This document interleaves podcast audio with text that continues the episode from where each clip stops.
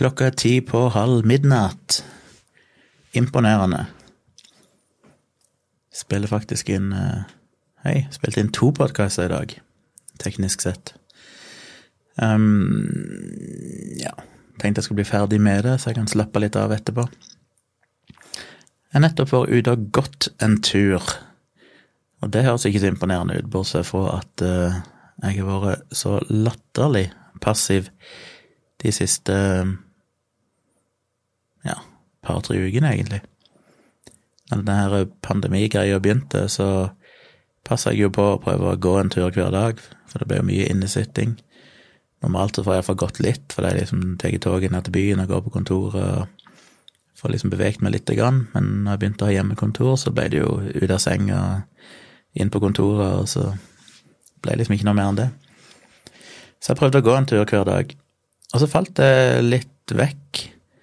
Um, så det mer fuckings jogginga. Jeg gikk over til å jogge, og så hadde jeg noen intense jobbdager som jeg ble sittende til langt på natt og jobbe, og fikk liksom aldri tid. Og så kom jeg inn i en dårlig rutine der jeg bare endte opp med å ikke egentlig komme meg ut i det hele tatt. Og det er jo ikke bra, og det er litt flaut å være så passiv. Så jeg må ta meg sammen igjen. Um,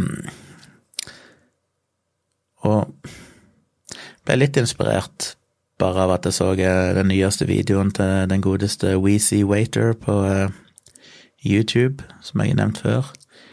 Han har jo en kanal, han har flere kanaler, men hovedkanalen hans der driver han jo og tester ut forskjellige ting, som å være en veganer i en måned, eller uten sukker i en måned. Og nå hadde han uh, prøvd å være uten kaffe i en måned, sammen med sin ja, vet ikke om det er kone eller samboer. Og så hadde de fått med seg to venner som bor et annet sted i USA, men som på en måte òg filma seg sjøl og sendte inn opptakene til han, så han kunne klippe sammen alt til én episode på sin kanal. Og det andre venneparet har sett det dukke opp i en tidligere video eller to, for de har vært med på iallfall én challenge tidligere. Men jeg ikke helt, jeg visste vel egentlig at de to var med i det bandet som heter Pomplamoose som har masse videoer på YouTube, som jeg virkelig anbefaler å se. Veldig, veldig hipsteraktig, men det er litt forskjellige personer som er med hver gang. Men de to er vel faste, for jeg tror liksom det er deres band. Hun synger veldig ofte på de fleste sangene, ikke alltid, tror jeg. Og han spiller Nei, jeg har sett han så han spiller piano for det meste, men jeg tror han behersker mange instrumenter. Og de fremstår som litt sånn musikkonservatorieaktige musikere. Som sagt ganske hipster, men de er jævlig dyktige. Og de lager Fremfører vel Jeg tror de lager originale sanger òg, men eh, det videoene som er populære på YouTube, er jo stort sett at de covrer andre kjente sanger, og gjerne masher de opp med andre sanger, så det kan være iallfall to, av og til tre sanger de blander sammen på veldig spennende måte. Og så Videoen er jo bare at de filmer mens de står i et bitte lite studio som regel og spiller inn sangen live. Eller jeg vet ikke om det er live, egentlig, men de, de spiller, sitter i hvert fall og spiller det liksom hele videoen, at du bare ser de sitter og fremfører sangen. Og de er veldig dyktige, og det er skikkelig kule mashups der de blander sammen sanger på spennende, overraskende måter, som er veldig kult. Og hun er flink å synge, men jeg har alltid vært fascinert av han eh, pianisten, keyboardisten, for han er altså den tynn dude med svart skjegg som er så hyperentusiastisk. Han sitter og er med i hele ansiktet, han danser jo og beveger seg når han spiller. Så jeg liksom alltid bedt meg merke i han at han virker fascinerende. Men det er, jeg har ikke kommet på det før, at de to er jo faktisk et par, og de er vennene til Weezy Waiter er med. Og det som egentlig var poenget mitt, var at uh, i den videoen nå, når de hadde quitta coffee i en måned, så minte de meg på at de òg hadde hatt en sånn challenge der de skulle gå 10 000 steg hver dag. Og da var jo det Pompelamus-paret med på den challengen. Og det var en ting de sa de alle hadde fortsatt med, selv om det er månedsvis siden de gjorde den uh, videoen. For det følte de var så bra, og da ble jeg jo litt sånn påminnet at fuck, det burde jo egentlig jeg òg gjøre. Det var det ene. Og det andre, for her henger ting sammen, er at det som er litt kult, er jo at han eh, keyboardisten, da Han det er faktisk han som etablerte Patrion. Det har jeg aldri tenkt på før. Jeg har jo sett mange av de Pomplamus-videoene, men jeg visste ikke at det var han som sto bak hele Patrion-opplegget. Så det er jo en fascinerende greie, og det er jo derfor han Weezy Waiter òg er jo veldig aktiv på Patrion, for det er jo hans venn, beste venn kanskje, som har laga det. Så han Weezy Waiter har sikkert vært med fra starten, og er veldig aktiv der, legger vel ut en video om dagen på Patrionen sin og sånn, i tillegg til at han har en del åpne videoer på YouTube-kanalene sine. Så det var litt fascinerende. Ikke tenkte over at det faktisk var han spesiduden som står bak Patrion. Men det inspirerte meg òg altså, til å begynne å gå igjen, så jeg må virkelig, virkelig begynne å gå. Og det var tre grunner til det, iallfall. For jeg sa jo her på et par podkaster han at jeg fikk liksom ingenting ut av å jogge. Og det er jo sant, men jeg får jo noe ut av å gå. Um, det er jo både det at jeg i det hele tatt kommer meg ut, uh, får frisk luft, får liksom klarna hodet litt, får strekt litt på meg. Det, det, det, gir meg en god følelse, for jeg føler at jeg får de gode tingene som andre kanskje får for jogging, men jeg slipper, slipper stresset med det. Og rent sånn fysisk så er jo gåing omtrent like effektivt for å forbrenne energi som det jogging er. Hvis du selvfølgelig går i et visst tempo, sånn at du får opp pulsen litt, så er det vel marginal eller ingen forskjeller på å gå samme antall skritt som å jogge samme antall skritt. Fordelen med jogging er bare at du får gjort det på kortere tid. Flere skritt per minutt.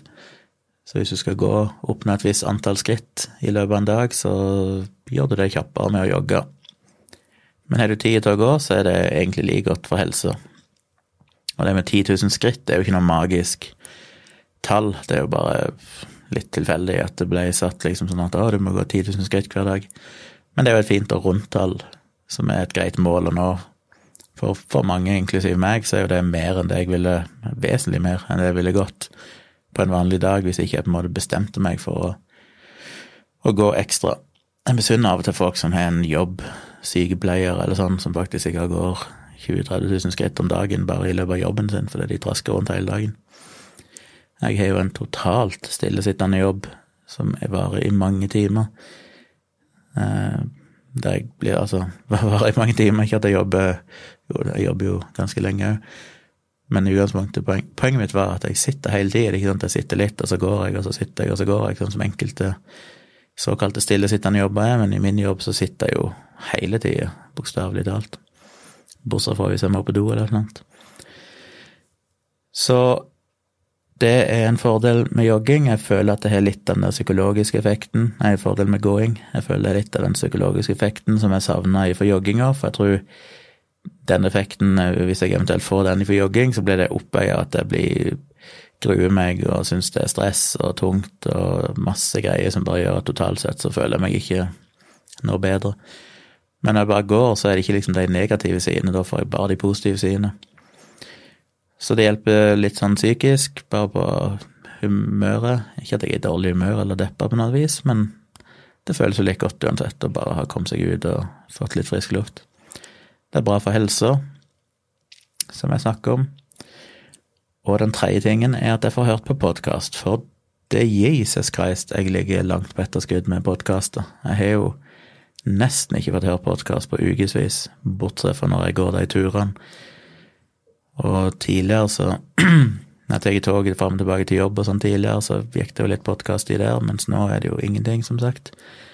Så det var deilig å endelig få hørt litt podkast igjen. Jeg vet ikke om jeg har nevnt hvilken podkast jeg egentlig hører på. Det har jeg kanskje. Men jeg kan gjøre det igjen, om ikke annet. Fordi det er ikke så mange lenger. Opp gjennom årene så har jeg jo hørt på en del forskjellige, men så er det liksom vraka enkelte av de. For eksempel så hørte jeg jo, elska jo How Stuff uh, Works, hva ikke den heter. To duder som satt og bare tok for seg en ny ting hver gang. Omtrent som den der norske podkasten som uh, Jonas Kinge Bergland og en annen dude har, som heter Hva er greia med?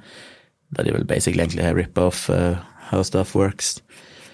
Podkasten Jeg husker ikke om han egentlig heter How Stuff Works. Det er nettsida som heter det. Han kommer vel derifra, men jeg husker ikke akkurat om podkasten heter det. Men de digger jeg, for jeg syns de var så trivelige, de personene. Jeg syns ofte det var interessant. Det var så mange interessante ting. De bestemte seg jo bare for et eller annet ting de skulle finne ut av. Og så researcher de det hver for seg, og så virker det som at de aldri hadde snakka med hverandre om det før de kom i studio, for det var ofte sånn at de overraska hverandre med faktaene. 'Å, det hadde ikke jeg fått med meg', og ditten og datten. Men jeg klarte ikke å høre på det mer etter de hadde eh, en episode om eh, aspartam. Fordi de var jo så på jordet når det gjaldt De kom jo basically på og sto det førte til kreft og helseskader og ditten og datten som overraska meg så, at de har vært veldig sånn rasjonelle og vitenskapsbaserte i de andre episodene. Iallfall de jeg visste noe om til at jeg kunne verifisere det, selvfølgelig. Sikkert kan de ha bullshitta med ting jeg ikke kan noe om. Men jeg hadde liksom inntrykk av at det stort sett de var veldig opptatt av at de skulle liksom gjøre ting korrekt. Og Altså kom de med den episoden, så var det bare sånn herregud, hva, hva, hvordan er det mulig å bomme så til de grader plutselig? Så da bare tenkte Og det er sånn du blir så skuffa, da, at jeg bare tenkte at det her Hvis de bommer så mye på aspartam, så føler jeg ikke jeg kan stole på dem på noen ting. Så da bare slutta jeg å høre på dem. Men jeg har hørt, så det er diverse podkaster jeg har ditcha opp gjennom tida.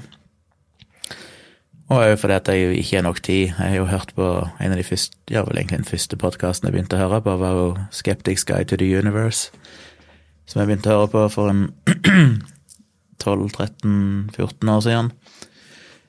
Og hørte på fram til i fjor eller noe sånt en gang. Ja, rundt et år siden eller sånn, så tror jeg jeg ditcha den rett og slett, for jeg hadde ikke tid, jeg måtte prioritere. Og jeg begynte å bli litt lei av den, det ble liksom veldig mye av det samme, og det var andre podkaster jeg heller ville høre på.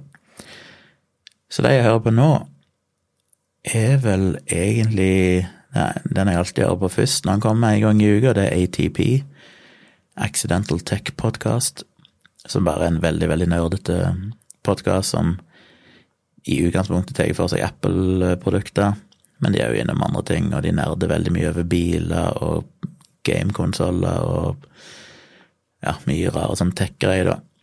Og hvis det kommer store nyheter innenfor Android-verden eller Microsoft eller et eller annet sånt, så snakker de gjerne om det òg, men primært så er det da Apple og Mac og iPhone og iPad og sånne ting det går mest i som jo er det jeg bruker, så jeg syns det er interessant å få med meg alt som skjer der. Og så er det tre veldig, veldig oppegående eh, folk som snakker reflekterte og har gode verdier og ja. Så den hører jeg alltid.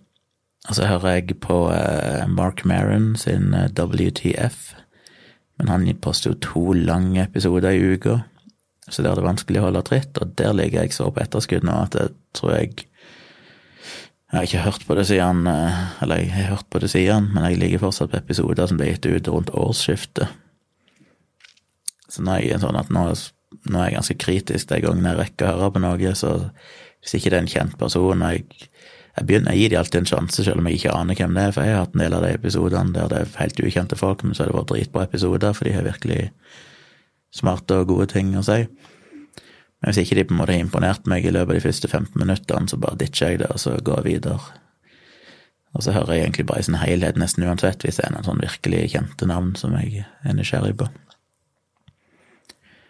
Det var de to, og så hører jeg på Tone sin podkast, Nerve. Og så er det noe mer. Rekker jeg egentlig mer enn det?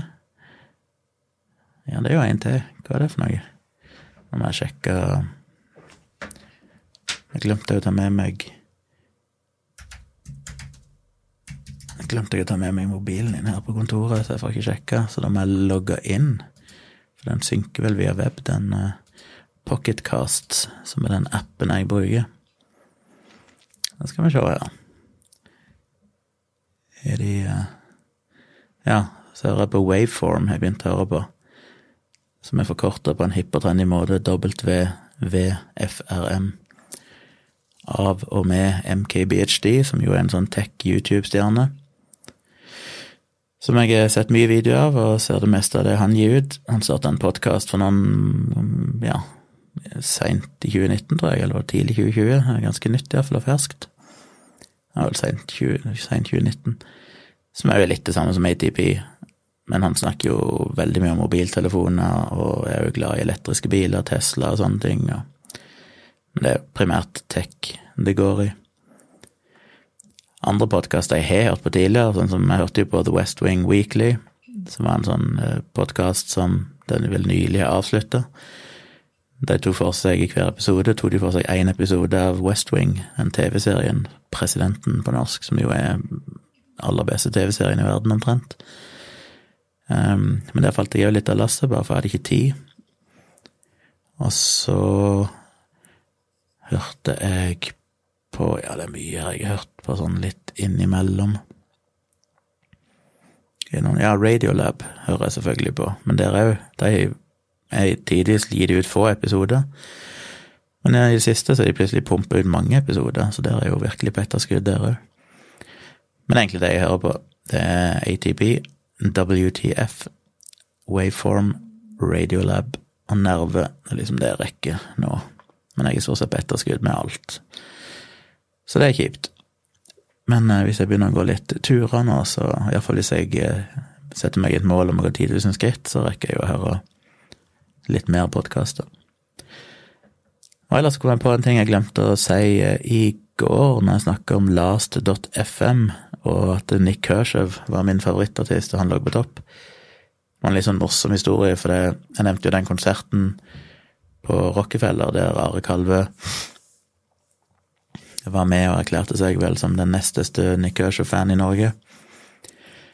Så fortalte han en historie om at han eh, Jeg kjente meg så igjen, for det, han jo sagt at Nick Kershaw er en sånn artist som det finnes en del folk som digger her i Norge, men det er veldig få andre som egentlig gjør det. Folk flest har knapt hørt om han, eller husker han bare for The Riddle, eller, eller Wouldn't It Be Good, eller Don't Let It Sun Go Down On Me, som er de tre liksom, største sånne hitene han hadde på 80-tallet.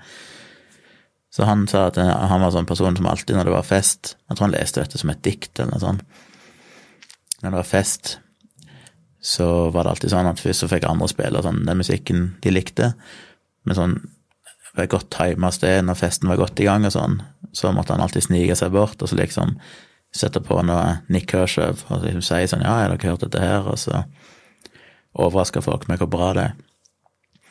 Så fortalte han vel om en fest som jeg tror var en sånn nyttårsaften her for en del år siden, der han hadde gjort det, og så dagen etterpå når han våkna, så mangla et album av Nick Kershaw som heter To Be Frank, som vel var det andre albumet han ga ut etter han kom tilbake igjen på slutten av 90-tallet, så det kom vel i 99, 2000, 2001, et eller annet sånt. Ja, 2000-2001. Som et dritbra album. Eh, men han fant ikke den CD-en lenger. Og det var jo sånn en sorg. Så jeg beit meg jo merke den historien. Og jeg tror han har fortalt den historien på TV òg en gang, så jeg så et eller annet opptak der han faktisk fortalte det. Anyway, så fikk jeg bare plutselig for meg her, dette var jo tilbake igjen i 20 Ja, det er mange, mange år siden, da jeg bodde på Tøyen iallfall.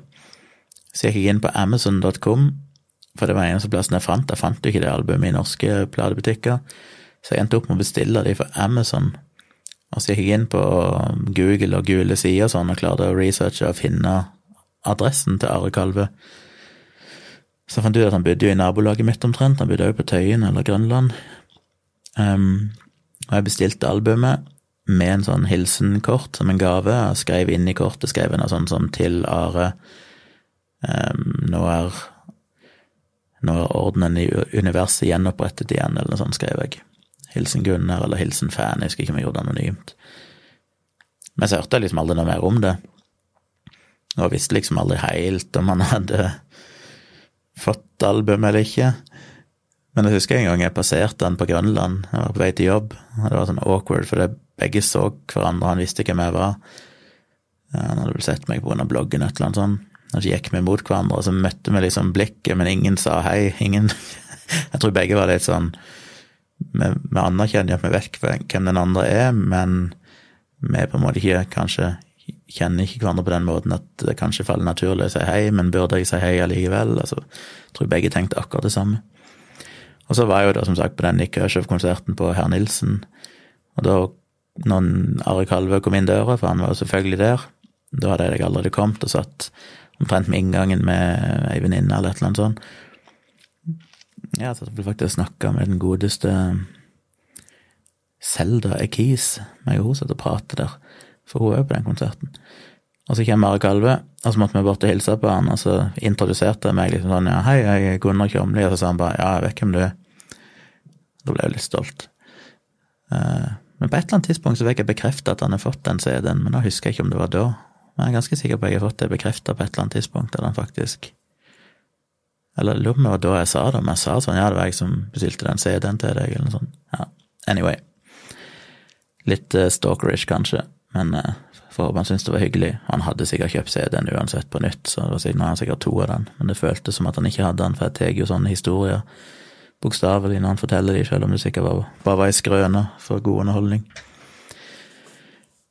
Ellers i dag så har jeg montert eh, grill og eggstol. Eggstolen var enkel og grei å sette sammen, selv om jeg endte opp med å bryte bruksanvisningen fordi vi fant ut det var bedre å montere den på en annen måte enn det som var tegnet opp. Håper det funker bra. Og grillen, som jeg en eller annen grunn tenkte kom omtrent heil, den var jo totalt demontert som et Ikea-møbel, så alt måtte jo monteres. Det var jo Hver eneste lille del måtte jo skru sammen. Så det tok et par timer eller noe sånt, satt ute i blåsende iskald vind på verandaen og monterte grill, men han, eh, han ble nå heil til slutt, og nå står han der. Så nå må jeg bare finne ut av dette med gass, hvor jeg finner gass hen, og hvordan jeg får fylt på, eller kjøpt og fylt på en gassbeholder. Men jeg tror det er et eller annet sted borti hogget her. Det er litt stress når en ikke har bil eller sykkel eller noen ting, og må gå og dasse med noen gasskolbe. Men det ordner seg vel. Så det må jeg prøve å få gjort i morgen eller i helga, så jeg kan få fyrt opp grillen, kanskje på 17. mai. Men det var i hvert fall deilig å ha det på plass. Å ja, så monterte vi òg en sånn varmelampe som henger opp under taket. Eh, to ganger 1500 watts infrarød varmelampe, sånn at det går an å få litt ekstra varme i sofaen der ute. Det har jeg alltid drømt om å ha, helt siden vi hadde hus på Tonstad, meg og min ekskone. Da kjøpte vi òg to sånne varmelamper, så fant vi plutselig ut at det gikk an å montere de på trevegg, for det var for brannfarlig. Og så kom vi aldri så langt som at vi egentlig fiksa det. Vi kunne ha montert noe, sikkert noen metallplater bak eller et eller annet sånt, men uh, det endte opp med å bare aldri bli brukt. Jeg tror det gikk på søpla til slutt, selv om vi kjøpte de splitter nye. Så jeg har alltid drømt om det, for å liksom kunne forlenge den tida det er behagelig å sitte ute, for jeg elsker å sitte ute. Så det har jeg fått montert, og den gleder jeg meg òg til å få ja, vi har jo testa den så den virker, og den gir god effekt, så jeg bare gleder meg til å kunne bruke den i praksis. Til slutt, eh, ja, for en liten downer nesten til slutt, så fikk jeg jo beskjed i dag om at eh, ifra min mor, som har ei god venninne som bor på Sørlandet, som er venninna til mor av ei som gikk i klassen min. Det vil si, det var en familie som bodde i nabolaget mitt, bare sånn 50 meter ifra huset mitt, som har noen unger. Ei av de var på min alder, ei jente, og hun var jo min barndomsvenn. Vi har jo lekt sammen siden vi var bitte, bitte små, og gått hele barneskolen og hele ungdomsskolen sammen. Når vi skulle på videregående, så reiste hun til Arendal, der hun, familien opprinnelig kommer fra, selv om hun har vel bodd på Tonstad hele livet sitt. Eh, men jeg var liksom alltid vår venn med henne, og når jeg kom på ungdomsskolen og sånn, så var jeg forelska i henne, og kronisk forelska i henne, og Skjedde jo aldri noen ting, men jeg var alltid forelska i henne. Hun var liksom sånn Ja, alltid vært en del av livet mitt, men jeg har egentlig bare sett henne et par-tre ganger sånn siden, siden 1990. Fordi hun flytta til Arendal, og så utdanna hun seg, tok ganske høy utdannelse og jobba der nede siden den gang, gifta seg og fått par-tre barn. Jeg husker ikke akkurat hvor mange det er. Men jeg har hatt veldig lite kontakt med henne. Men hun har jo liksom alltid vært en del av livet mitt, bare fordi hun var der jo. Hun var jo liksom en av mine nærmeste venner hele oppveksten og, og hele grunnskolen. Og hun var jo alltid sånn sunnhetens ideal. Hun var litt sånn irriterende. Hun var dritflink musikalsk, flink å spille piano, flink å synge. Hun var flink i idrett, flink håndballspiller, blant annet, aktiv. Og veldig, veldig skoleflink, var den flinkeste i klassen. Hun var den liksom som egentlig dro meg opp hele tida. Var alltid hun jeg konkurrerte med, prøvde alltid å få like gode karakterer som hun på ungdomsskolen. Så var det, og I tillegg så var hun fin. Så var det liksom både utseende, sportstalent, musikalsk talent og smart. Det er liksom urettferdig at det finnes noen sånne. Så var det liksom en sånn sunnhetens ideal, veldig fornuftig og flink, og så plutselig for noen år siden så fikk hun lungekreft. Bare sånn ut av det blå. Jeg var aldri ja, Hun er vel sikkert festerøyka i ny og ne, men hun har aldri røykt eller gjort noen ting sånn, så det er jo bare maks uflaks. Og det var jo kreft med spredning, eh, som en visste jo på en måte at det var jo basically en dødsdom. Men så er det gått ganske greit med i noen år. Gjennomsnittlig overlevelse er vel bare to-tre år, men nå er jo klart det er noen år lenger enn det. Og fikk en eller annen cellegift som passa denne gentype, som gjorde at den funka bra, med relativt lite bivirkninger. Men anyway, i dag fikk jeg beskjed om at hun visstnok nå bare ligger egentlig og sover hele dagen, og det sannsynligvis ikke er så lenge igjen. Og det Selv om jeg egentlig ikke har sett henne på 30 år, sånn skikkelig, så er jo, så er jo det bare veldig veldig, veldig kjipt, og det blir jo ekstra kjipt når hun er på min alder, og ja, det er jo en påminnelse om hvor uflaks en kan ha, og hvor fort ting kan snu. Og så har jeg liksom dårlig samvittighet for jeg har egentlig ikke hatt noe kontakt med henne sjøl når jeg fikk vite hun har kreft. Hun har en yngre bror som bor her i Oslo, som jeg òg er god venn med, og han har jeg hatt en del kontakt med, så jeg får litt oppdateringer ifra han eh, i ny og ne. Vi snakka litt om Men det er jo veldig tungt for han òg, selvfølgelig. Og hun har jo mann og et par unger som eh, Ja, hvor gamle er de nå? De må sikkert være i ungdomsskolealder eller mer. Tida går fort. Men det er kjipt. Og jeg er liksom litt dårlig samvittighet, for jeg føler som burde jeg ha Jeg prøvde jo å ringe henne en gang når jeg fikk vite det. Så fikk jeg ikke tak på henne. Og så prøvde hun å ringe meg, og så var ikke jeg tilgjengelig. Og så tror jeg bare vi skrev et par meldinger på Facebook. Men det ble litt sånn overfladisk, og jeg visste liksom ikke helt hva jeg skulle si. Så ja, det var en eh, kjip beskjed å få, så nå er det vel ikke så lenge igjen, så Anyway, for bare Det er ikke noe han får gjort med det, annet enn å glede seg over livet. Til slutt et lite musikkanbefaling.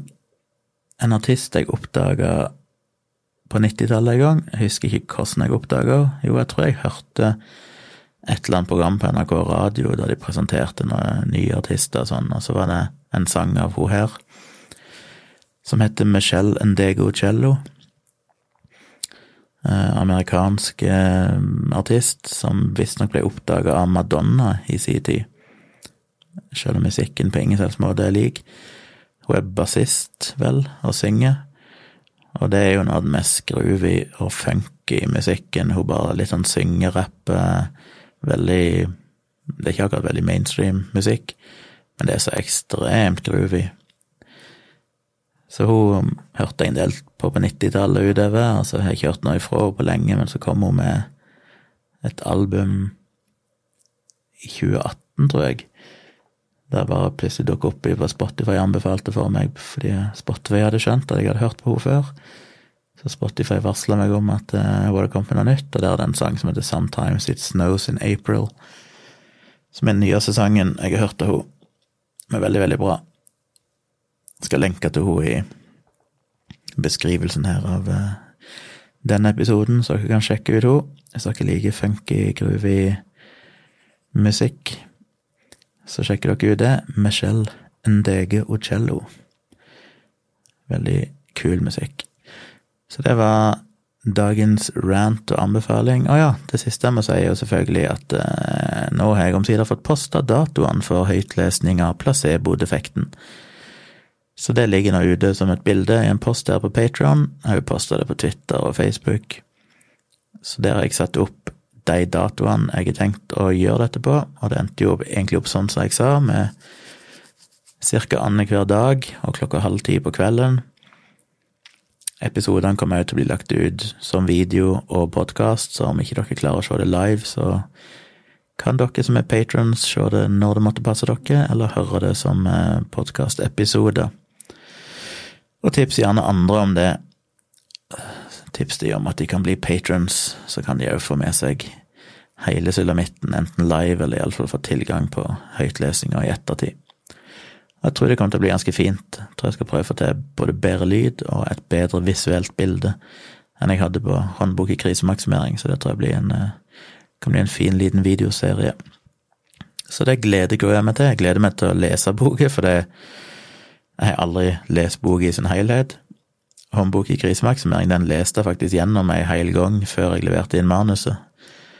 Men det rakk jeg aldri med placeboeffekten. Den ble sånn jeg satt og stokka om på kapitler og avsnitt og flytta. Plutselig sånn Oi, disse to sidene hører bedre hjemme der, og så bare copy-pasta jeg.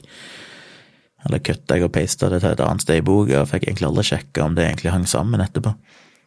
Så den har jeg aldri lest, så nå gleder jeg meg faktisk litt til å lese den boka i sin helhet. Òg fordi at den husker jeg jo mye mindre av enn jeg gjør håndbok i krisemaksimering kom i 2016, men placebo-defekten kom i 2013, så det er jo 20 år siden. Så det blir spennende å lese den og få litt aha-opplevelser og få friske opp igjen i hukommelsen mange ting som jeg researcha og skrev der, men som jeg etterpå har glemt og sikkert burde huske, for den kan være nyttig når jeg holder foredrag og sånne ting. Så det blir gøy. Og så gruer jeg meg litt, for jeg forplikter meg jo til basically Alt avhengig av hvor fort jeg leser, men eh, sannsynligvis mellom 12 og 15 kvelder med lesing på et fast tidspunkt. Så jeg kan ikke ha andre avtaler på de kveldene, og uansett hva som skjer, så må jeg liksom lese det.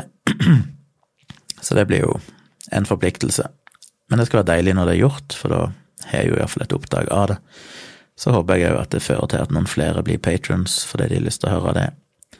Og det er jo en genial måte for folk å få den boka på som jeg sa sist, få det som en lydbok.